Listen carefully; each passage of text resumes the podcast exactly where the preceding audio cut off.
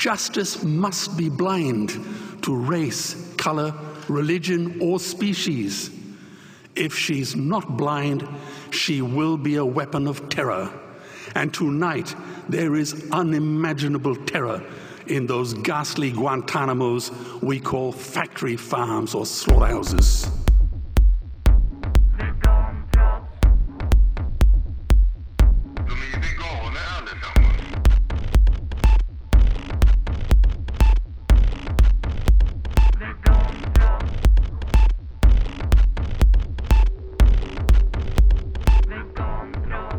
Hej och välkomna till Veganprat avsnitt 44 med Staffan. Och Sara. Det här är den andra och sista delen om djurens förintelse. En bok som jämför nazismen under 30 och 40-talet med dagens djurförtryck. Och i det här avsnittet fortsätter intervjun med bokens författare Pelle Strindlund och Henrik Wig. Om ni inte har hört den första delen av intervjun så rekommenderar vi att ni lyssnar på den först.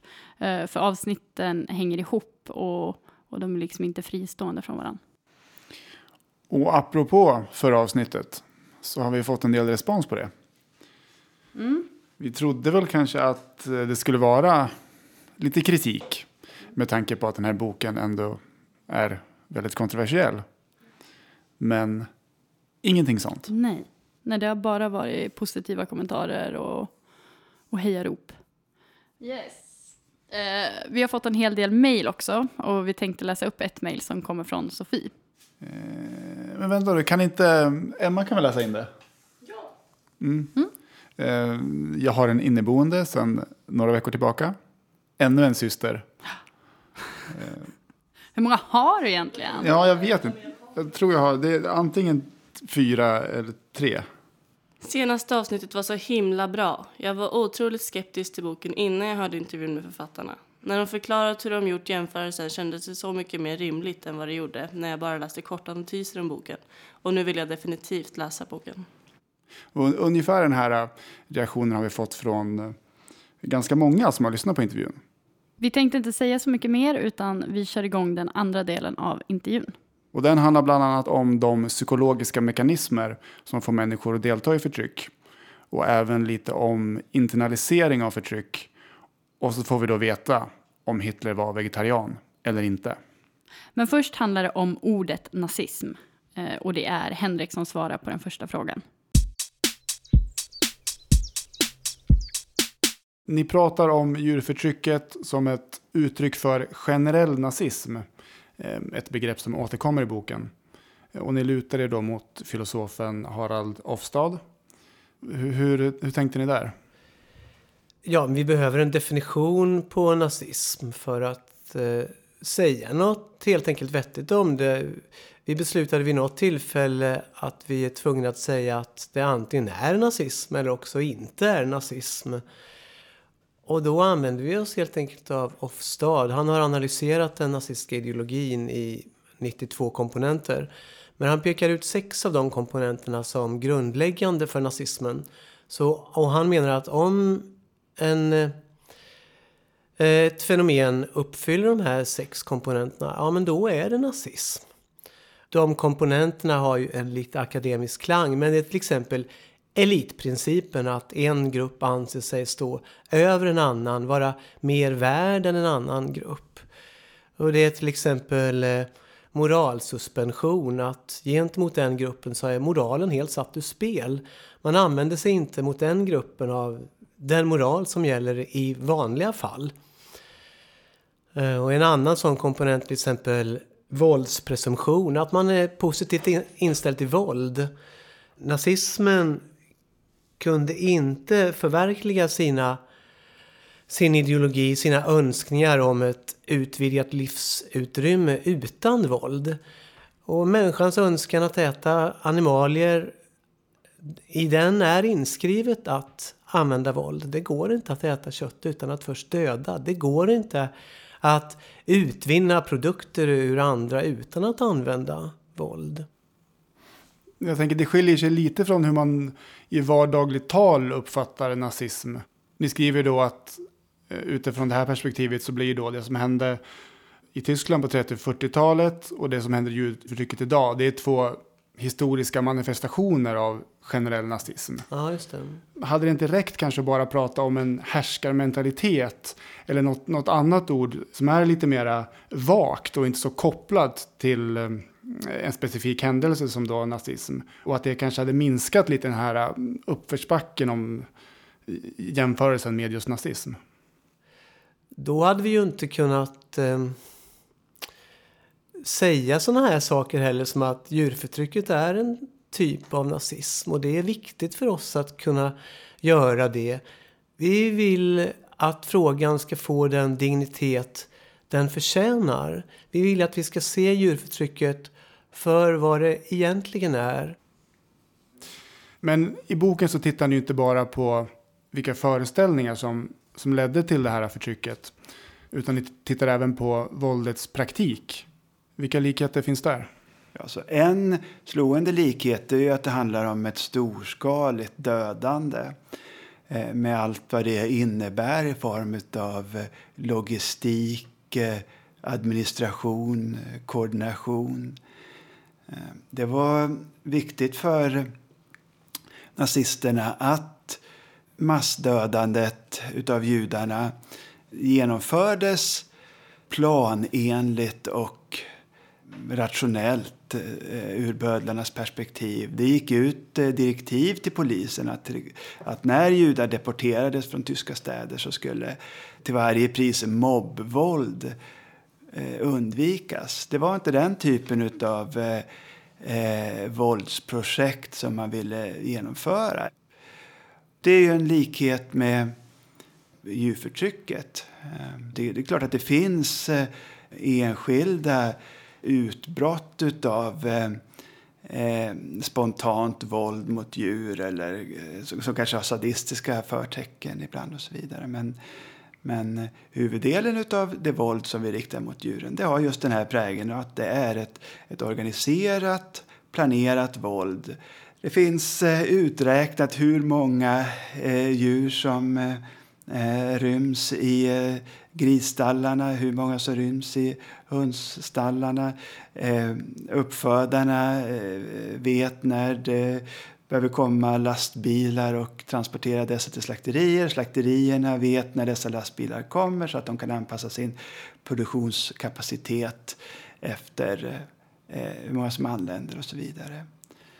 Och när man talar om förintelsen så får man heller inte glömma att den genomfördes också genom att väldigt många arbetades till döds. Och de var tvungna att arbeta tills det att de tog sitt sista andetag. Kunde de inte ta ett spadtag till eller lyfta en säck till, då sköts de på stället eller skickades till gaskamrarna.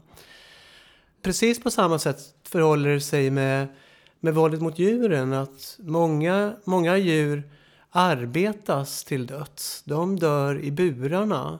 Väldigt många hönor Eh, dör eller kasseras för att de inte längre kan producera. Då lyfts de ut ur burarna eller plockas upp från golvet och slås snabbt och lätt ihjäl. Mm. En annan överensstämmelse som, eh, eh det, som kanske var lite oväntad, eh, i alla fall var för mig att stöta på, det var den här tanken att eh, det nazistiska dödandet kunde paras med en inget får gå till spillo eh, filosofi.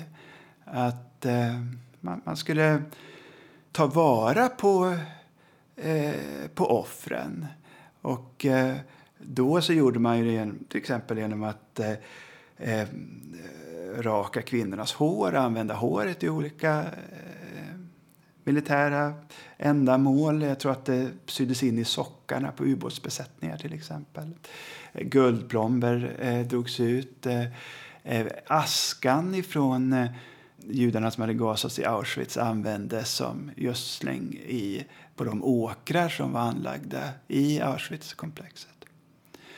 Och, eh, det här brukar vi tänka på som en, en, en, en särskilt motbjudande aspekt utav Eh, Eh, det nazistiska dödandet. Att man liksom även exploaterade eh, offrens kroppar på det här sättet. Använde askan för att eh, gödsla med till exempel. Det intressanta är att när idag så finns samma idé gentemot djuren, att vi, vi dödar dem men sen så ska vi eh, enligt vissa debattörer ta tillvara på så mycket som möjligt. Inget får gå till spillo. Det kan heta, vi citerar eh, eh Mats-Erik Nilsson som säger något i stil med att det är att visa respekt för det djur som man har, har slagit ihjäl. Och, och det, eh, det finns den här trenden att, att äta hela djuret eh, bland vissa kockar. Det, det är väl intressant att eh, eh när det gäller djuren då, då kan det här liksom posera som en sorts ekologisk medvetenhet eller etisk medvetenhet till och med. Att man visar respekt för den som man har slagit ihjäl.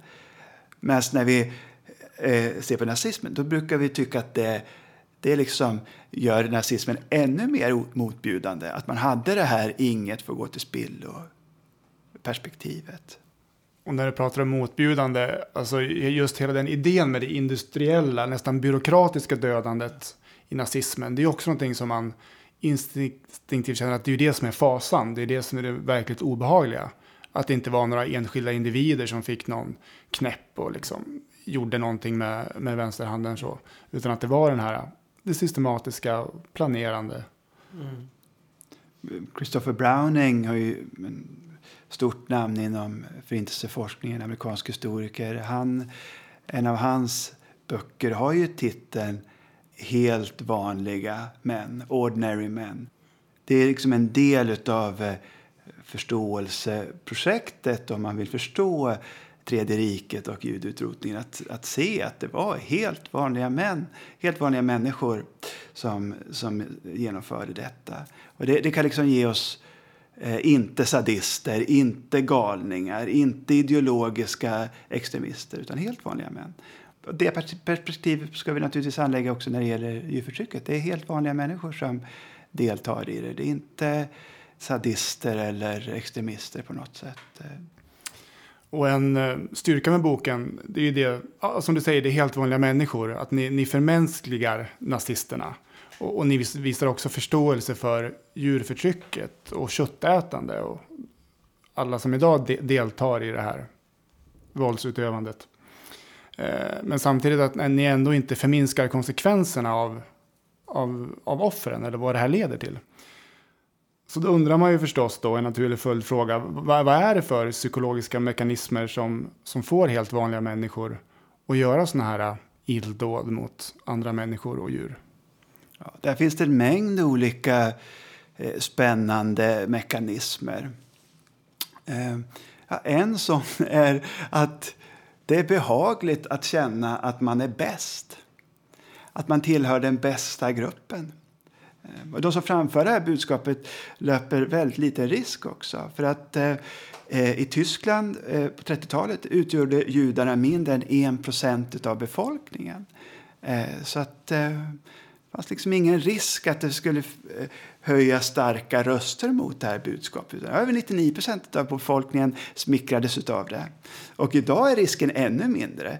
För djuren som drabbas av det här förhärligandet av Homo sapiens de kan överhuvudtaget inte protestera mot detta. Så det, det är liksom lätt att förstå varför eh, människor framför detta. Det är lätt att förstå varför människor uppskattar det här eh, budskapet. Det var en form av vinst som eh, tyska arier gjorde, att få känna att de var det finaste folket.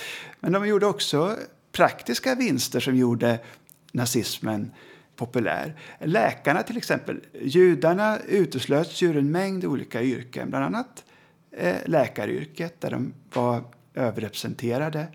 Och det innebar att eh, eh icke-judiska tyska läkare fick ta över de judiska klinikerna och deras eh, eh, kunder. Det var klart att det var bra. När, när judiska tjänstemän avskedades från olika poster då var ju posterna lediga och kunde tillsättas av ariska tyskar. Så att eh, biblioteksassistenten kunde göra ett lyft och bli chefsbibliotekarie. Docenten kunde eh, lyftas upp och bli professor och så vidare. När Eh, judar från Nederländerna deporterades till koncentrationsläger eh, österut. Vad hände med deras bohag?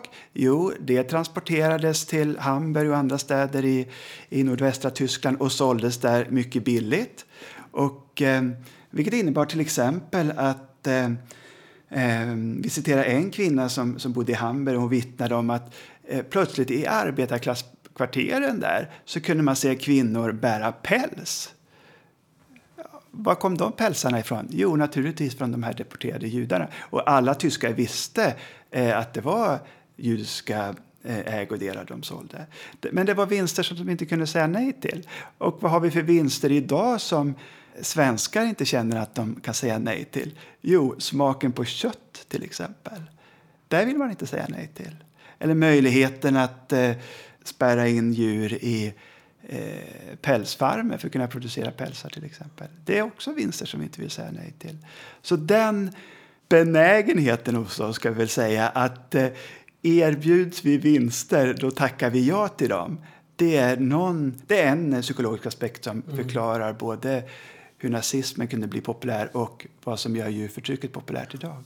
I synnerhet om man inte ser konsekvenserna av de här vinsterna. Visst. Och det är ytterligare en sak som gjorde att eh, människor accepterade nazismen och, och accepterar djurförtrycket idag. Det är ju att våldet är dolt.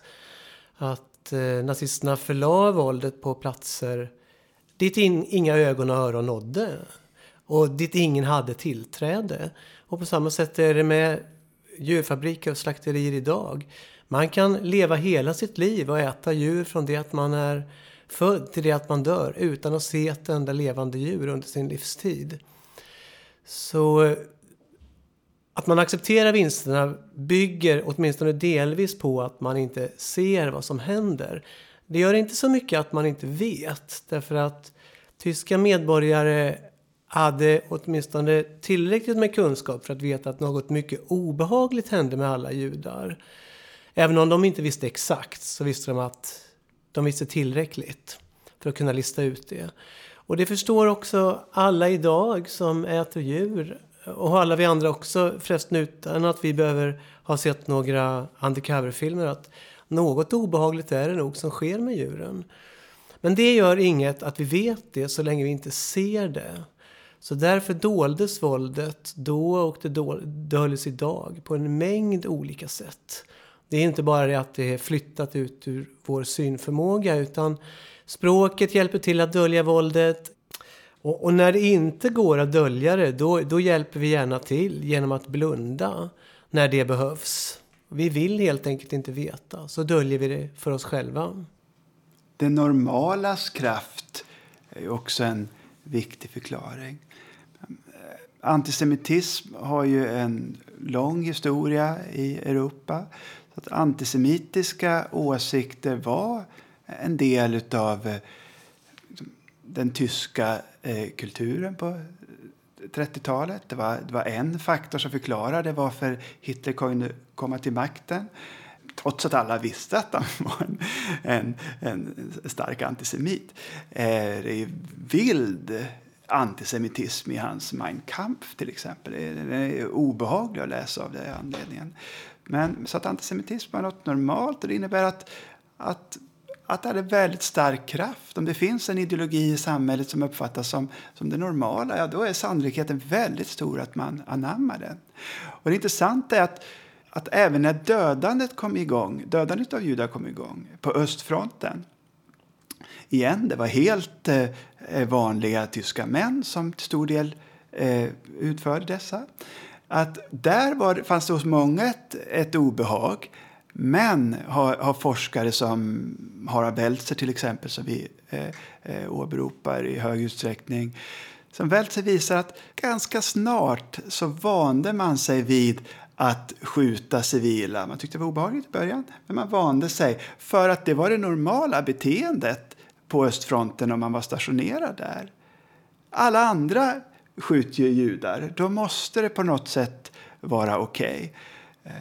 Och det där är något som naturligtvis ska förklara varför människor deltar i djurdödandet eh, idag, till exempel som konsumenter av kött. Alla andra äter ju kött. Eller så uppfattar man det i alla fall. Att alla andra äter kött.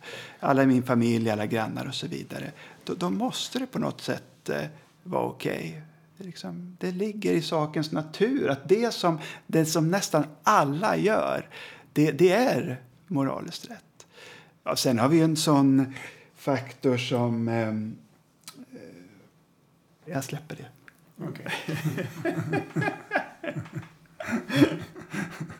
Ja, det, det, det, ni tar upp väldigt många sådana här psykologiska aspekter ska vi säga. Ja. Nu, nu nämnde ni några få, men Precis. vi får väl hänvisa till boken, Mm. till de övriga. Men jag tänkte inte på det här med normaliteten också, att det finns något härligt i att tillhöra normaliteten, en njutning också, Mm. kring liksom jul och påsk och sådär. Att delta i det här förtrycket Mm. tillsammans med andra. Och, Det är en del av traditionen. Det var ju ett annat argument, traditionsargumentet. Det var också en överraskning för mig att se att det användes för att rättfärdiga eh, antisemitismen. Eh, vi, vi, citer, vi citerar eh, en tysk man som levde under den här tiden som sa ungefär så här att riktigt varför eh, vad felet var med judarna, det, det visste vi inte riktigt. Men vi visste att, att folk alltid hade ringaktat judarna. Man föll tillbaka på den här långa antisemitiska traditionen. Ja, var, var har vi som sitter i det här rummet hört det argumentet? Vi har ju alltid gjort det. just det. Naturligtvis, vi har alltid ätit kött. Därför är det, är det i sin ordning att fortsätta äta kött. Vi har alltid jagat och så vidare. Ehm, och I linje med det här så går ni också igenom just hur normaliserat de här förtrycken var i de här båda samhällena. Att det finns eh, överallt. Det finns inom utbildningen, inom vetenskapen, inom kyrkan. Eh, till och med i barnböcker, i matematikundervisningen. Så, så mycket genomsyrades samhället av nazism kontra djurförtryck. Och här är ni också väldigt grundliga och går igenom alla de här bitarna. Men jag tänker vi kan väl eh, dröja väl lite vid den här eh, matematikundervisningen. Jag tyckte den var belysande. Hur kunde det låta? Okej, här kommer ett exempel då från en mattebok i eh, Nazityskland. Ett bombplan lyfter med 12 dussin bomber på vardera 10 kilo. Planet styr mot Warszawa, det internationella centret för judendomen. Det bombar staden.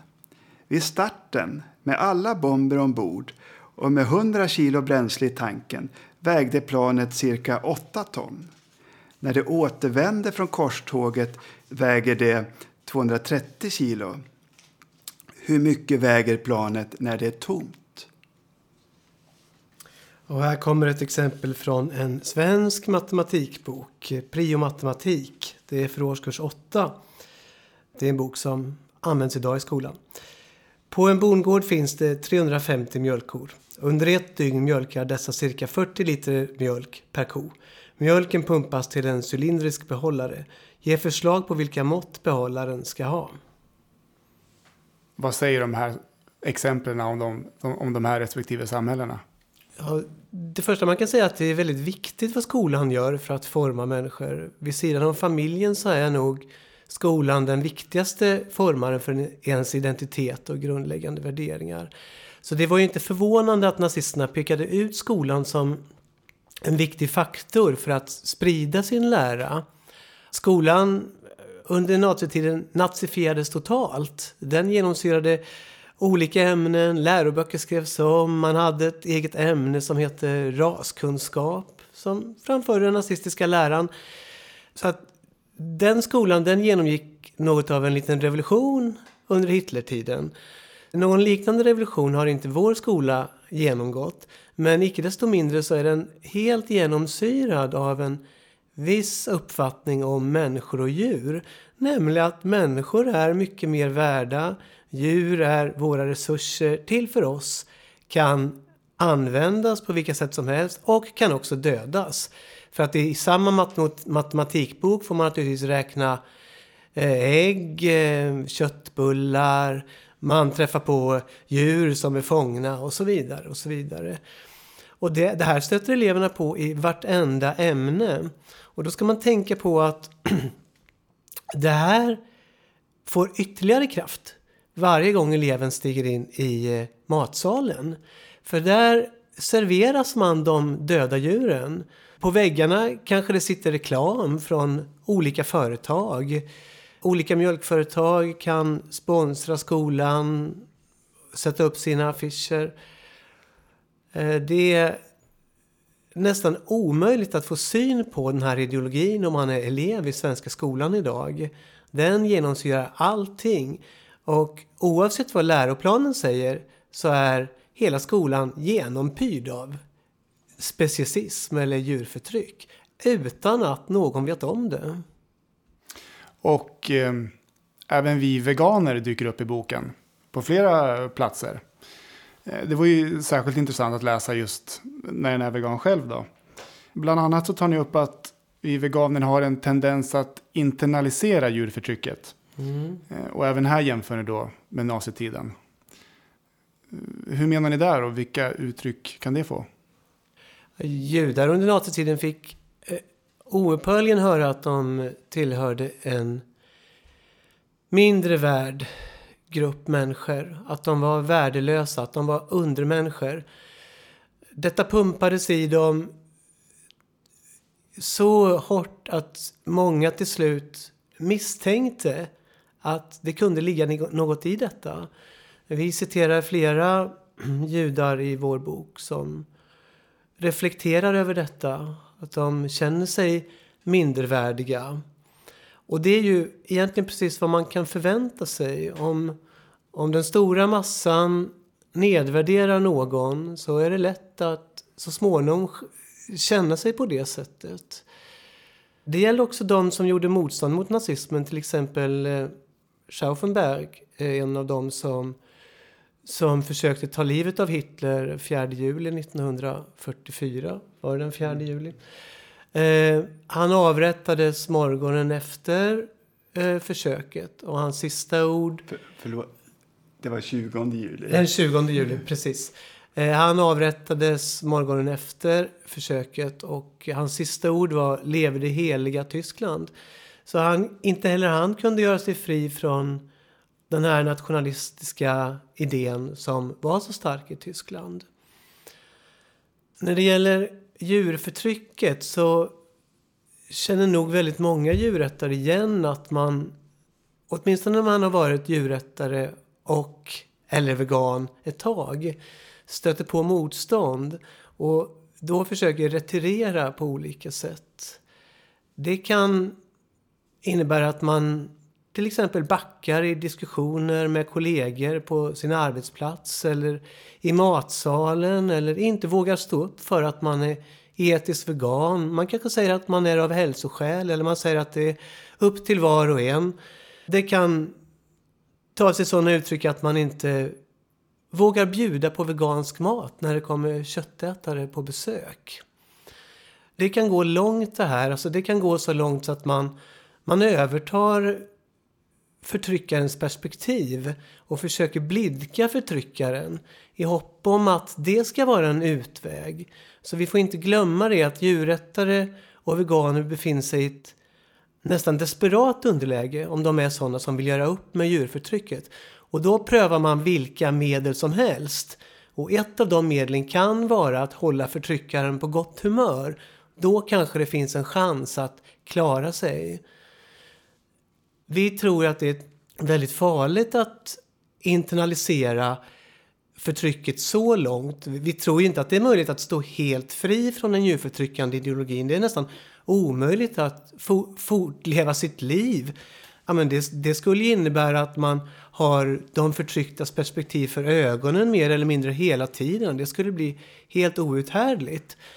Men det är mycket, mycket farligt att tro att, att det är en framkomlig väg att hela tiden hålla förtryckaren på gott humör. Um, så det, och det, det finns sådana tendenser i djurrättsrörelsen idag att man tror att man kan surfa in i djurrättens land med en champagne, champagneglas i vänster hand och en vegoburgare i höger hand. Där alla kommer att vara på gott humör och tycka att vegomaten smakar utmärkt. Eh, och det tror jag är verklighetsfrånvänt. Jag tror att vi kommer att vara tvungna att föra en mycket mycket, hårdare kamp än vad vi gör idag. Vi måste vara beredda att våga mycket mer och vara beredda på att andra kommer inte tycka att vi är toppen. Den där internaliseringen utav djurförtrycket och de djurnedvärderande eh, värderingarna som finns i vårt samhälle, det, det kan också manifesteras i hur djurrättsorganisationer pratar om djuren.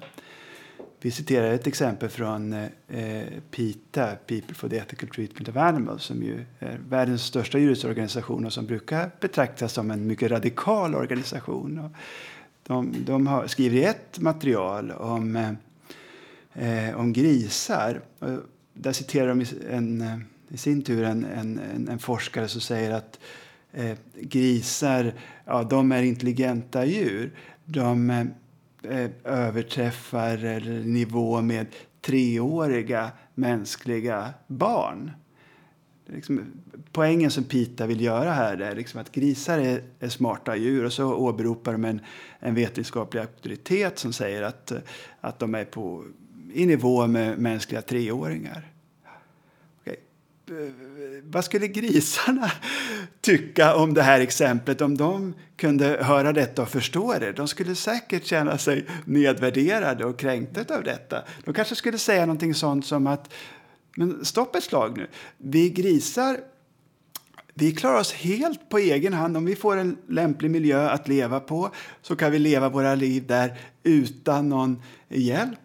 Medan den här mänskliga treåringen som ni eh, jämför oss med, han eller hon överlever inte många dagar om det inte finns en vuxen som tar hand om barnet. Vi kanske ska understryka också att ni jämför ju inte liksom, förtrycket av judar med förtrycket av veganer. Utan att vi veganer är ju allierade med djuren. Ja. Och att en bättre jämförelse då är då motståndsmännen i Tyskland då, som var allierade med judarna. Men ni visar också en viss förståelse för veganerna. Att eh, du var inne lite på det Henrik, men att vi har sett de här filmerna, vi har kollat på Earthlings, Absolut. vi har sett eh, djurförtryckets fasor. Och för att klara av att leva våra liv eh, s- så måste vi också hålla det lite ifrån oss. Absolut. Absolut. Viktigt att vara det, det är liksom en helt normal reaktion i den situation som vi befinner oss i. För det är ju, den är ju helt förtvivlad. Alltså de vi kämpar för dör när vi sitter här. Eh, Och det, det är liksom en fruktansvärd situation att vara i. Och det, så det är klart att något måste man göra åt det, så att säga. Så att vi, vi vill inte fördöma dem som gör det, men, men jag tror också att det kan vara bra att vara uppmärksam på att det, sånt sker. Och, och jag tror åtminstone ibland att det, det vore bättre om vi lyckades välja ett annat alternativ än att tro att vi ska hålla någon på gott humör. Eller tro att vi kan eh, samarbeta bort djurförtrycket. Det kan få en att ingå djävulspakt på djävulspakt på djävulspakt i en oändlig lång rad. Och man kommer aldrig någonstans.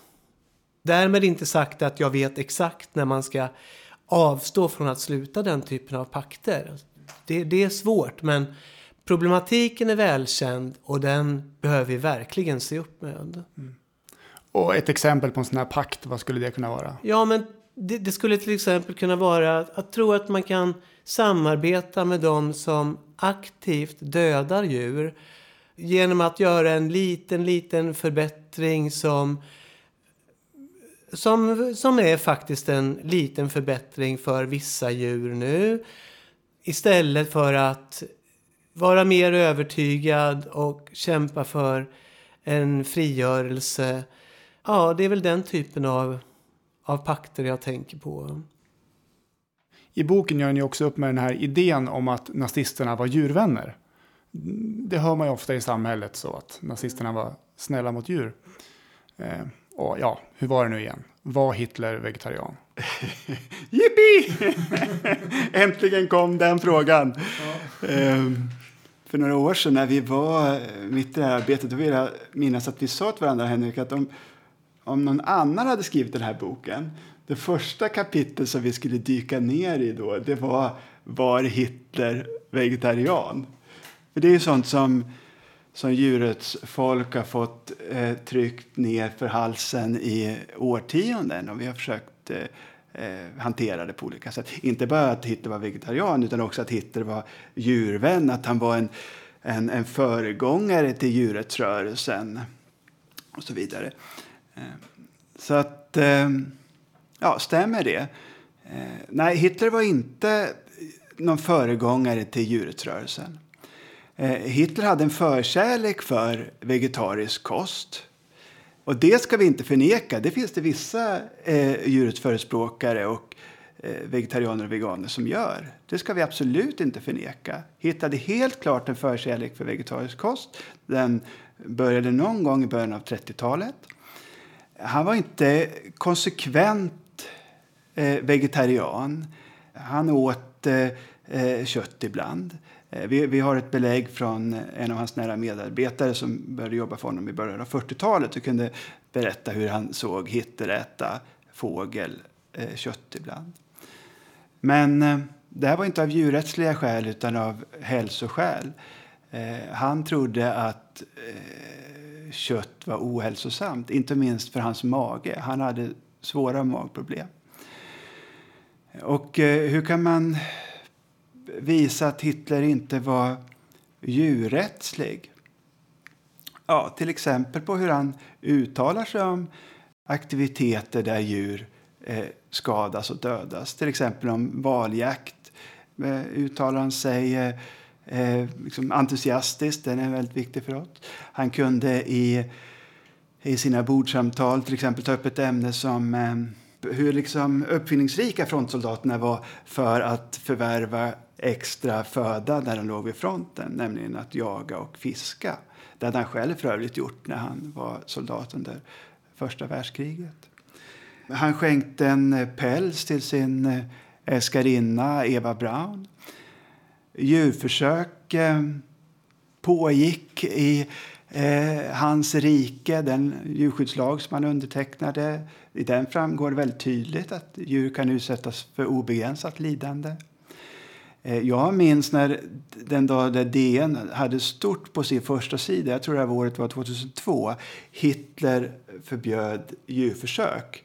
Första sidan och sen var det en, en lång essä av eh, den uppburna historikern Peter Englund som, enligt, som handlade om hur, hur eh, Tyskland var liksom ett, ett, ett djurrättsligt utopia enligt Englund. Stämmer inte alls. Djurförsök försök, förbjöds inte alls i Tyskland eh, utan fortgick under hela kriget. Eh.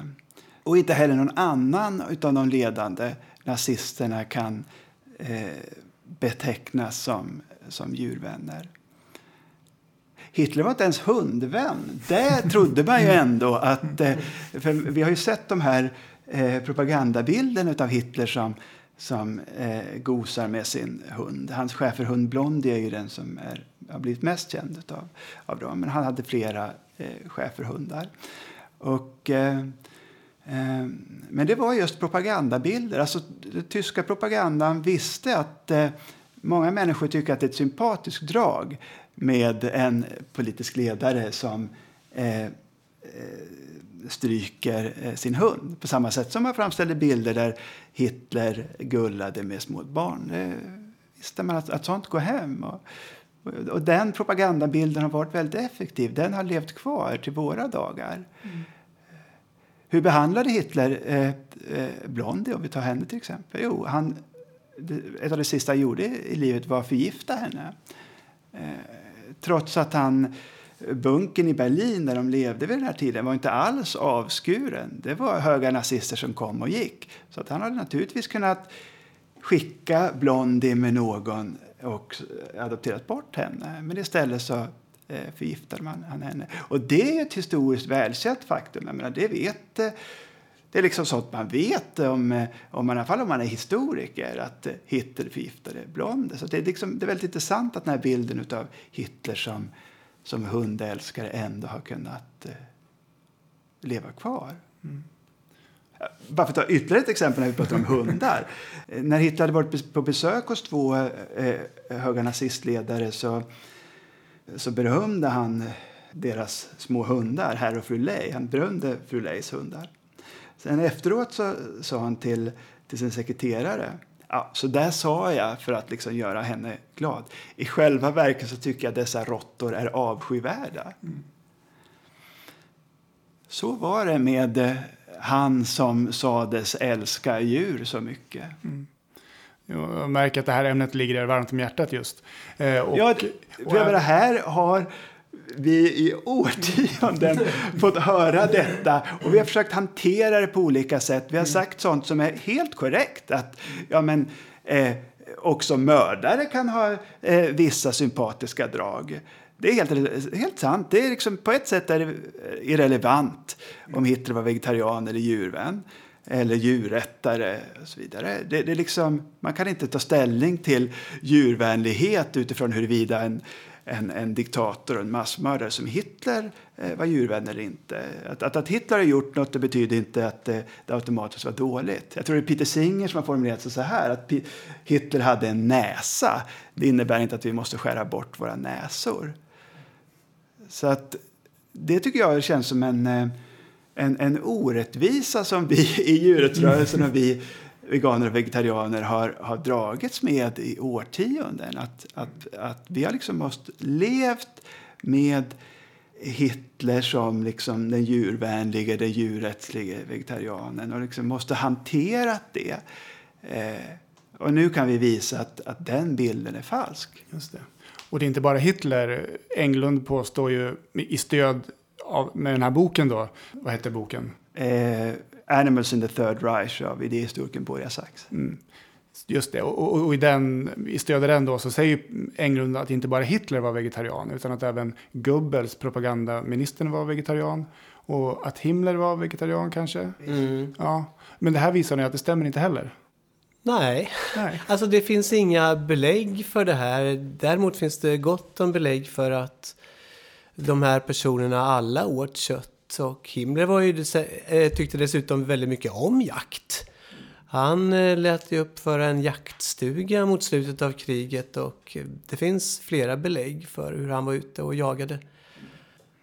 Så då blir intressanta frågan, den intressanta frågan liksom, varför har den här bilden blivit så etablerad? Just det. Där kan man ju tänka sig flera skäl. Alltså ett skäl är att det är, en- det är en paradox. De som var så människofientliga, tänk att de älskade djur. De värderade djur mer än människor. Det är liksom motsatsen till, till eh, hur vi värderar djur. Eh, men, men nazisterna var så liksom märkliga eh, att de värderade djur mer än människor.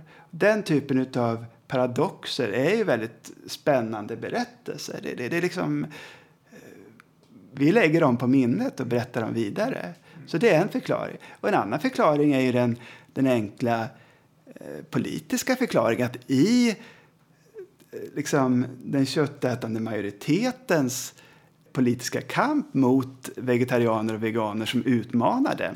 Det är klart att det här har varit ett användbart tillhygge. Ni kommer och pratar om eh, varför jag inte ska äta kyckling. Nu vill jag att vi ska prata om Adolf Hitler, massmördaren, som var vegetarian, som tillhörde ert läger. Jag menar, om man vänder på det så, då kan ju köttätaren till och med bli en sorts antinazism. Eh, Jag tänker inte göra, jag vill inte vara i Adolf Hitlers lag, vegetarianerna. Jag gör motstånd mot Hitler genom att äta min biff. Men just den här idén också om att veganer är människofientliga eller nästan människohatare. Det ligger lite i linje med det här också. Få sin näring av den här idén. Men ni gör ju tvärtom då. Ni, ni vänder på det och säger tvärtom att eh, djurförtrycket i själva verket på många sätt var en förutsättning för nazismen. Ja, eller att eh, nazisterna kunde använda djurförtrycket och de djurnedvärderande eh, värderingarna och praktikerna i sitt våldsprojekt. Till exempel genom att eh, det faktum att vi i vårt samhälle sedan länge betraktar djur som något lågt stående individer som man kan döda om man så önskar. Att, att, att djur har den statusen, eh, det använder man genom att klistra djuriskhet på dem som man ville nedvärdera, skada. Judar, eh, Sovjetmedborgare och så vidare. Mm. Eh, man liknade dem vid, vid, vid grisar och råttor. Eller apor. Mm. Mm. Men sen fanns det också praktiker som eh, nazisterna kunde använda. De försök som genomfördes av eh, framstående tyska forskare i koncentrationsläger på koncentrationslägerfångar. Flera av dem fick sin inspiration av djurförsök. Att man hade först gjort de här experimenten på djur och sen så ville man testa dem på, på människor. För som man resonerade, det var den bästa forskningsmetoden. Ska vi tillämpa de här resultaten på människor så är det klart att vetenskapligt sett så är det bästa då att, att ha människor som försöksobjekt. Så på så sätt så föregick djurförsöken människoförsöken. Och genererade fler djurförsök som genererade fler människoförsök. Man fick idéer till att göra försök på människor genom de försök man hade gjort på djur. Människoförsöken gav idéer till att göra ytterligare djurförsök som gav idéer till att testa det på människor i sin tur. Och väldigt konkret också, jag tänker när jag var i Auschwitz på, på någon sån rundvandring där. Då, var, då visade de ju i det här lägret då att i början så fanns det ju stallar där. Och, och, de första som kom dit fick också bo i stallarna. Att människorna fick ju bo som djuren. Att det finns även sådana kopplingar, rent konkret. Visst, och man använde ju boskapsvagnar för att frakta eh, judar till koncentrationsläger. Mm. Um, det var ju också så att många av de eh, centrala personerna i Förintelseprojektet hade en bakgrund som djurutnyttjare. De var bönder eller hade erfarenhet av avel och att döda. Eh, de lämpade sig väl att använda i det här projektet. De hade kunskap om hur man skulle döda många på samma gång till exempel. Ja, vi börjar närma oss slutet. Det är ju en tung bok det här. Men boken avslutas i alla fall lite mer hoppfullt och eh, kring den här tanken om motstånd. Så mm. var finns hoppet? Ja, vi citerar ju en, en tysk soldat och nazist som heter Bruno Mantz. Um, han var övertygad nazist under kriget. Mm. Men när krigsslutet kom kände han sig naturligtvis förnedrad och uh, väldigt bedrövad över att det tredje riket hade fallit. Och han kände sig övergiven. Um, men senare så så kom andra känslor, känslor av frihet till honom. Att stå fri från, från överhet och utvaldhet, från hybris, säger han. Och det är många som har vänt djurförtrycket ryggen som kan vittna om liknande känslor. En känsla av frihet. Det lyfter vi fram i vårt avslutningskapitel. Och jag tror verkligen att det stämmer. Det stämmer till exempel på mig. Jag eh, när jag blev vegan så kände jag, hade jag en stark känsla av att jag hade funnit mitt rätta jag. Det låter ungefär som mitt rätta jag har legat dolt inom mig, men, men jag tror inte att det är på det sättet. Däremot så att min världsbild äntligen blev hel. Och att jag kunde leva i enlighet med mina principer om den jag ville vara. Och Isak Bashevis-Singer har uttryckt det fint. Han säger att för varje bit kött så förnekar människan sin hunger efter rättvisa. Och i våras så hade jag en elev som gjorde en inlämning på djuretik. Hon var, hon var bara 17 år. Och hon uttryckte på ungefär samma sätt i sin inlämning. Hon skrev Hela mitt väsen törstar efter rättvisa. Och så tror jag att det kan kännas när man vänder eh, djurförtrycket ryggen. Alltså på ungefär samma sätt som den här nazisten Bruno Mann kände när nazismen äntligen släppte greppet om honom och han slapp vara utvald och slapp vara härskare. Så på det sättet så tror jag att, att, att det finns ett, liksom ett hopp för var och en som lämnar djurförtrycket. Men det är inte sagt att jag är optimistisk inför framtiden. Men att, att säga nej till nazism, det, det gör något med en på djupet. Ja, jag tyckte också att de här de två sista styckena i boken, att de var väldigt fina. Skulle någon av er vilja läsa dem? Som en avslutning. Gärna det. Jag ska bara få fram det här. Enligt en gammal föreställning om världen reflekterar varje liten del en större helhet. I varje regndroppe återspeglas solens alla färger. I enskilda avgränsade partier av ett konstverk kan verkets övergripande estetiska idé skönjas. Som när de första takterna rymmer en mäktig symfonis musikaliska kärna. Eller när den första meningen föregriper tematiken i en roman. Gäller det också våra handlingar? Varje gång vi avvisar våldet och istället omfamnar medkänslan uttrycker vi vår vision av hur vi vill att världen som helhet ska se ut. En värld där vi inte längre är härskare utan lever sida vid sida med alla de som, liksom vi, fått jorden till sitt hem.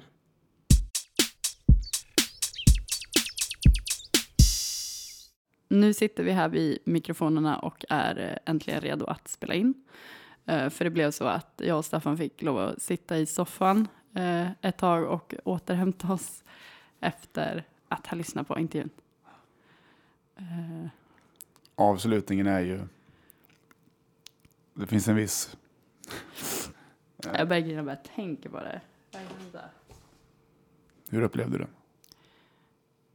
Jag var, ja, vi, vi satt ju och grina. Tårarna bara rann. Ehm, nej, men det kändes eh, de sista liksom, mm, vad ska man säga, de sista orden som Henrik sa. Ehm, det känns väldigt fint och väldigt hoppfullt och sen väldigt, väldigt jobbigt. Alla känslor på en och samma gång. Ehm, Det hänger väl också ihop med att eh, det har varit så tungt så länge. Alltså de här, eh, den här långa intervjun med nästan två timmar. När man, eh, vi får stiga ner i de här helvetena. Som är koncentrationslägren, som är djurfabrikerna. Eh, Det är känslomässigt jobbigt att, att gå in i det. Alltså det är ju helt liksom, det är ju obeskrivligt hur sjukt det är. Allt som vi har gjort och allt som vi gör. Och då behöver man ändå landa lite mjukt efteråt. Mm. Så det var tack Pelle och Henrik för att ni avslutade boken ändå. Men, lite, lite hopp. och lite framåtblickande. Mm. När jag själv läste eh, de sista två styckena i boken, eh, då satt jag på ett bibliotek i Uppsala. Och det var något sånt, sånt gammalt ärevördigt bibliotek. Jag tror kanske att det var sammanhanget också att det var i Uppsala eh, och då fick jag tankar till Rasbiologiska institutet eh, som fanns där på 20-talet med liksom, eh, som en slags föregångare till nazismen. Eh, och, och även att bara en kilometer bort ligger ju SLU, eh, Sveriges lantbruksuniversitet.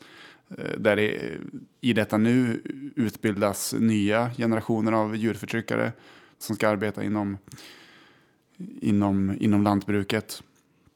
Eh, Och, då när jag läst, läste det där och satt där så bara, ah, jag- fick så här rysningar i hela kroppen på något sätt. Känner du hopp? Ja, jo, det gör jag ju. Jag tror ju att vi... Det kan bli bättre. Men eh, ja, Det är en dubbel känsla. Visst, det är fint att det finns en väg ut. Varenda enskild vegan gör ett motstånd. Och vi organiserar oss och gör motstånd även på, någon, på en aktivistnivå. men det blir ju ändå att alla, alla de som dör nu och som har det, de, det, kommer, vi kommer aldrig kunna förändra det. Vi kommer aldrig kunna göra någonting åt det. Och då blir det ju så här, Det är hopplöst. ja för då blir det inte så här, det är ju ingen som, ja. Alla kommer ju dö liksom. Hur menar du? Alltså vi kommer inte rädda några, vi kommer ju kunna stoppa sen då så att inga blir, inga fort, i aven, ja men du tänker på djurförtrycket, aven stoppar. Ja. Men fram tills att den gör det så kommer alla att dö. Alla kommer att bli slaktade. Vi kommer inte rädda någon. Nej, några få kan vi rädda via fritagningar och liknande. Ja, jo. Den var ju väl deppigt. Tänker, Styrkan med boken är ju ändå att den är deppig. Alltså i betydelsen sätter in, visar djurförtrycket för vad det egentligen är. Men det som Henrik är inne på också, eh, det är också en befriande känsla. Det är alltid svårt med det här ordet att se sanningen, men, eh, men, men att ändå se det för, ja, men, för vad det är. Eh, Och och att den här jämförelsen med eh, nazitiden verkligen får en att så här, bara, det här är fan på allvar. Nu jävlar. Jo, vi behöver det. Det är precis det vi behöver. Men intressant också om vi håller oss kvar lite mer på så här, individnivå, vegannivå. eh, Det här med internalisering. Hur är det för dig där? Är det mycket internalisering going on? Ja, alltså. jag tänkte på det eh, när de pratade om det i intervjun. Alltså även om jag är så väldigt tydlig, jag tänker nu om jag till exempel är i matsalen med mina klasskompisar i skolan. Eh, så är jag ju supertydlig med att det är fel att eh, äta kött eller dricka mjölk och så vidare och så vidare. Och alla borde bli veganer. Det är inte någon hemlighet att jag tycker så, det vet alla. Samtidigt som bara, ja ah, men förlåt, nu äter jag kött här vid dig Sara. Då är jag ändå så här, det är ingen fara, typ, det är inte problemet. Utan jag ser det ur ett större perspektiv.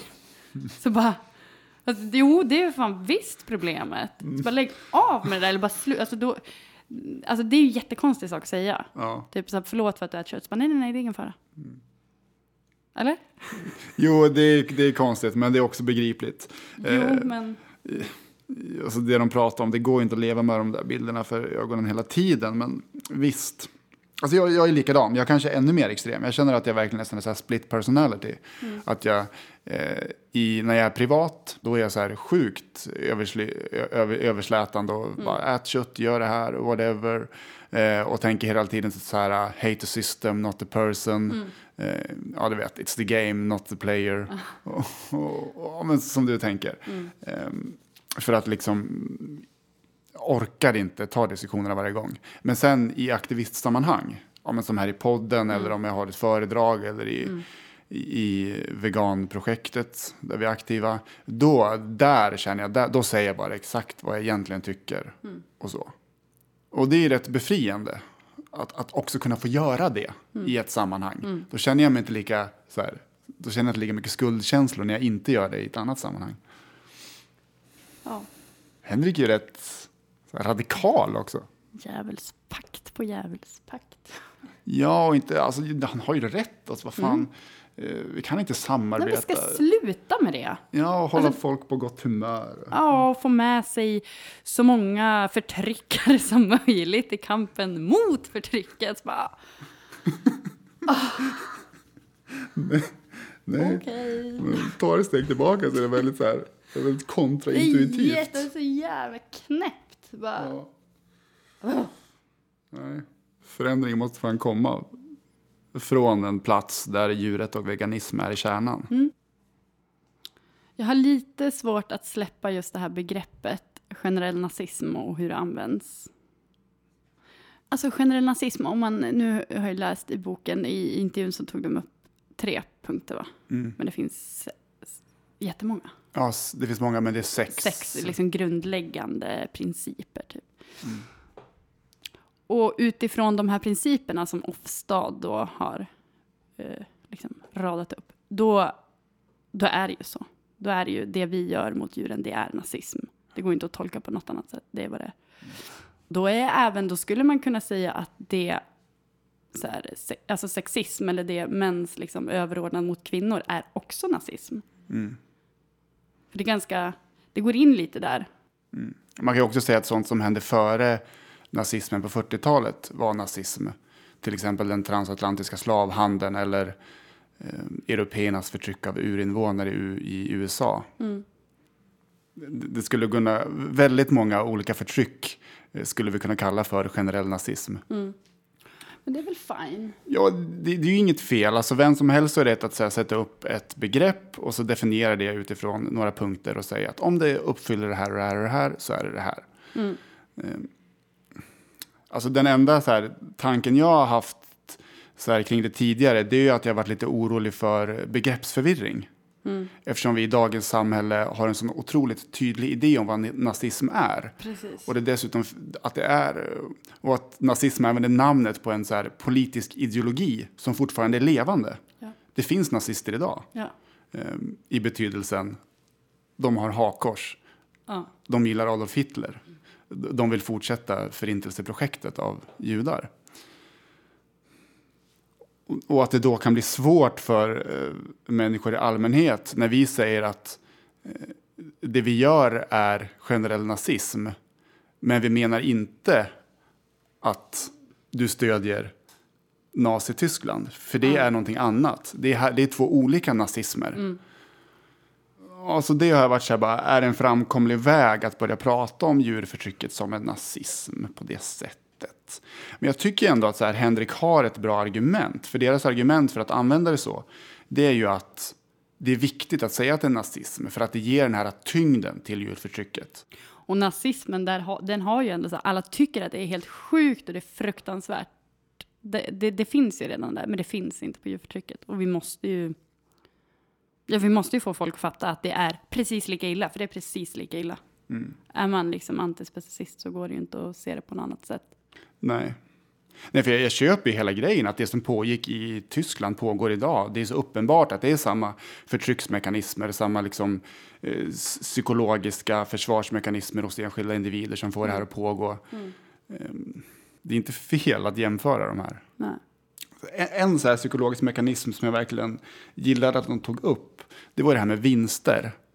Eh, Att vi människor, ja men det är så enkelt att vi tycker om smaken av kött, smaken av ost. Eh, Det kändes befriande. Eh, Det kändes lite mer så här materialistisk analys. För att det finns ju sedan tidigare väldigt många djurrättsböcker och många har skrivit om det här med ja, men Melanie Joy till exempel, om det dolda våldet och den, det normalas kraft och det, det är naturligt. Kognitiv dissonans och liksom... Eller hur? Och Liksom. människan som offer. Ja, men, exakt. För det reducerar ju ändå köttätaren till ett offer för en liksom, ond förtryckarstruktur. Ja. Eh, Men om, om man ser det i ljuset av att det är en vinst att äta kött och att det är en politisk kamp där köttätare vill fortsätta göra det, eh, då blir det mer, ja, men, alltså, då blir det mer av en intressekamp. Vi har ett intresse, att djur inte ska ätas upp, medan köttätare och även de företag då som producerar köttet och får vinst i, meningen ekonomisk vinst, de har ett intresse av att det ska fortsätta. Då, då känner jag mig lite mer så bekväm, för det är ju som är vänstersättet att tänka på kring politiska rörelser. Eh, Jag var ju också, precis som Sofie, vars mejl vi läste upp tidigare, eh, väldigt skeptisk eh, när jag hörde talas om den här boken första gången. Men jag var inte, så här, jag var inte arg och liksom upprörd, men jag var ändå så här, eh, okej, vad är det här för någonting? Här kan bli fel, det här kan trampa på tår eller liksom är det här, ja, satte igång lite sådana tankar. Men nu efter att ha hört den här jättefina långa intervjun så känner jag känner mig inte alls skeptisk längre. Ja, men nu när man har hört hur de har resonerat och fått en bild av hur innehållet i boken ser ut så, så tycker jag inte alls att det är problematiskt att göra den här jämförelsen eh, så länge man gör det på det här sättet som de har gjort. Och jag tycker att det är jätteviktigt att eh, det skrivs sådana här texter och att vi börjar ställa de här frågorna för att det blir så skrämmande tydligt hur vi behandlar andra och hur vi har behandlat andra eh, genom historien. Och att vi genom att titta tillbaka och titta nu kan lära oss någonting och hitta redskap för att komma vidare. Men det är också så här, hur ska vi använda boken då? Och här tänker jag att det är viktigt att skilja på äpplen och, och päron. Att eh, det blir konstigt, för jag märkte när jag läste boken då, och hörde intervjun, då är så inne i de här jämförelserna. Så vad man än ser i samhället som har med djurförtryck att göra så tänker man ja, ja, ja, men det var ju precis som eh, under nazismen på 30 och 40-talet. Eh, och, och att säga en sån sak, en sån detalj till en eh, köttätare, det kan ju bli väldigt märkligt tror jag. Alltså om man sit- sitter på en middag och så pratar någon om att ja, det är så bra att hela djuret tas tillvara när man äter det. Eh, att då bara slänga ur sig, jo men det var ju så tänkte nazisterna också. Alltså de här jämförelserna måste läggas sida vid sida med varandra. Och, och, det behöver läsas i en så här lång eh, bokform och i ett sånt sammanhang för att det ska bli begripligt. Däremot tror jag att vi kan använda de så här enskilda grejerna de tar upp. De pratar om det dolda våldet, de pratar om det här med vinster som jag var inne på och de pratar om eh, vikten av att eh, göra motstånd och inte, inte internalisera. Sådana saker kan vi lyfta upp och använda oss av i vår aktivism utan att nödvändigtvis nämna kopplingen till eh, nazisternas våldsprojekt. Nu är det bara att hoppas att den här boken liksom lämnar djurrättsrörelsen, för det känns som att den har stannat här lite grann och går vidare ut i övriga samhället så att den blir läst av köttätare och att större liksom, medier recenserar den och att den kan sätta igång lite debatt. Det var allt för den här gången. Ja, och nästa gång är vi tillbaka med ett mera traditionellt veganpratavsnitt. Lämna gärna en kommentar på hemsidan. veganprat.se Eh, Det skulle vara kul att höra vad fler tycker om eh, den här intervjun och själva bokprojektet. Eller mejla oss. Kontakt snabel a veganprat.se Och om du inte är vegan, Bli vegan. hej då! Hej då!